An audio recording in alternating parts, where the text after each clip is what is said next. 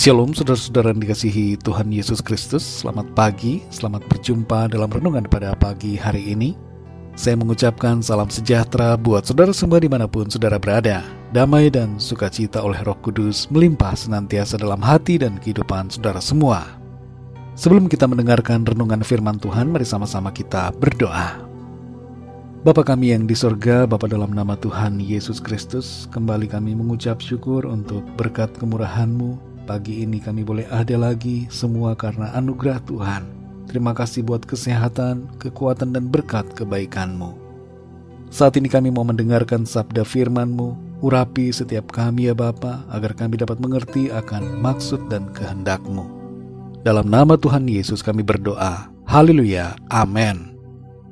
Saudara yang dikasih Tuhan, pembacaan Alkitab kita pada saat ini terdapat dalam Injil Lukas pasal yang ke-24.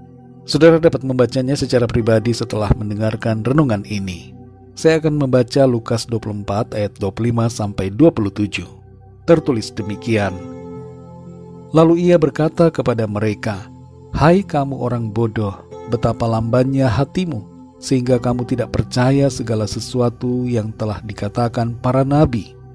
Bukankah Mesias harus menderita semuanya itu untuk masuk ke dalam kemuliaannya? Lalu ia menjelaskan kepada mereka apa yang tertulis tentang dia dalam seluruh kitab suci, mulai dari kitab-kitab Musa dan segala kitab nabi-nabi. Saudara dikasih Tuhan, di kota tua Yerusalem ada sebuah gereja yang bernama Gereja Makam Suci atau Church of the Holy Sepulchre yang disebut-sebut sebagai lokasi di mana tubuh Tuhan Yesus ditempatkan setelah ia mati disalibkan. Bangunan gereja itu sangat indah di bagian dalamnya. Ada banyak perkakas unik dan gereja itu sendiri sangat luas, tidak seperti kelihatan dari luar. Ada banyak orang yang masuk ke gereja ini, dan saya memperhatikan ada banyak orang yang menangis di suatu tempat berbentuk seperti makam atau kuburan. Hati saya juga ikut terharu mendengarkan tangisan mereka. Tapi kemudian saya diingatkan bahwa Tuhan Yesus sudah bangkit jadi kita tidak perlu larut dalam kesedihan karena ia telah mengalahkan maut dan telah naik ke surga dalam tubuh kemuliaannya. Dalam ayat-ayat yang kita baca ini terdapat cuplikan pembicaraan antara Tuhan Yesus dengan dua orang muridnya yang sedang berjalan menuju ke Emmaus. Hari itu adalah hari yang sama di mana Tuhan Yesus Kristus bangkit dari kematian. Itu bukanlah hari biasa, namun itu adalah hari kemenangan besar. Dapat dikatakan bahwa itu adalah hari paling indah yang pernah ada sejak dunia dimulai, karena ia bangkit dan kebangkitannya itu memberikan kita semua kepastian akan kebangkitan dan kehidupan yang kekal. Kedua murid ini sedang berbincang-bincang, dan mereka dalam keadaan sedih. Wajah mereka muram karena duka cita oleh sebab Tuhan Yesus yang menjadi harapan mereka telah mati disalibkan dan dikuburkan. Dan meskipun mereka sudah mendengar tentang apa yang terjadi di minggu pagi itu, di mana kuburnya kosong dan ada malaikat yang berkata bahwa dia hidup, tapi semua itu belum mereka pahami, dan itu sebabnya mereka masih bersedih. Padahal sebenarnya tidak ada alasan bagi mereka untuk bersedih. Mereka sedih tanpa alasan yang jelas, sebab Tuhan Yesus telah bangkit Seharusnya mereka bersuka cita. Saudara yang dikasih Tuhan, setiap kita orang percaya yang memahami akan karya kematian dan kebangkitan Kristus, hendaknya tidak bersedih, tapi bersuka cita, karena Tuhan Yesus telah bangkit dan mengalahkan maut untuk kita. Bila kita menangis, maka tangisan kita hendaknya disebabkan karena mengingat akan cinta kasihnya yang begitu besar atas kita orang-orang yang berdosa. Jangan kita berduka cita seperti orang yang tidak memahami kebenaran. Ia sudah bangkit, saudara, dan hidup dalam kuasanya yang berotoritas atas langit dan bumi ini. Tuhan Yesus memang harus menderita untuk masuk dalam kemuliaannya. Penderitaan dan kematian membawanya dalam kemuliaan.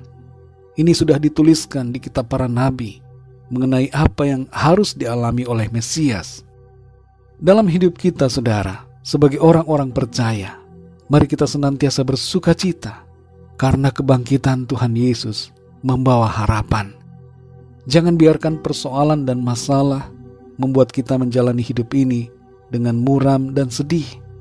Tapi mari kita bersuka cita, sebab mengingat bahwa ia telah bangkit, dan kebangkitannya itu memberikan kita kemenangan. Roma 12 ayat 12 mengatakan, Bersukacitalah dalam pengharapan. Mari kita bersukacita senantiasa saudara dalam menjalani hidup ini. Oleh karena Tuhan Yesus sudah bangkit dan dia hidup, sehingga ada kepastian hari esok buat saudara dan saya. Mari kita berdoa. Bapa kami yang di sorga, Bapa dalam nama Tuhan Yesus Kristus, kami mengucap syukur untuk firman-Mu yang sudah kami baca, dengar, dan renungkan pada saat ini.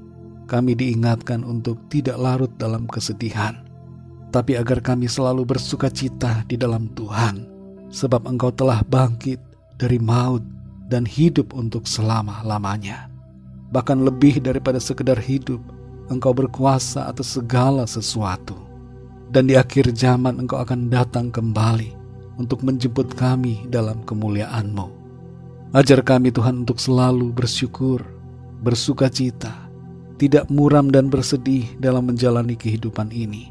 Sebab engkau telah bangkit dan hidup, serta memberikan kami kemenangan. Kami bersyukur untuk kebenaran firman-Mu yang kembali membentuk iman kami, memberikan kami pengertian untuk melangkah dalam sukacita karena kebangkitan-Mu. Pimpin kami di sepanjang hari ini ya Tuhan, dalam segala aktivitas kami.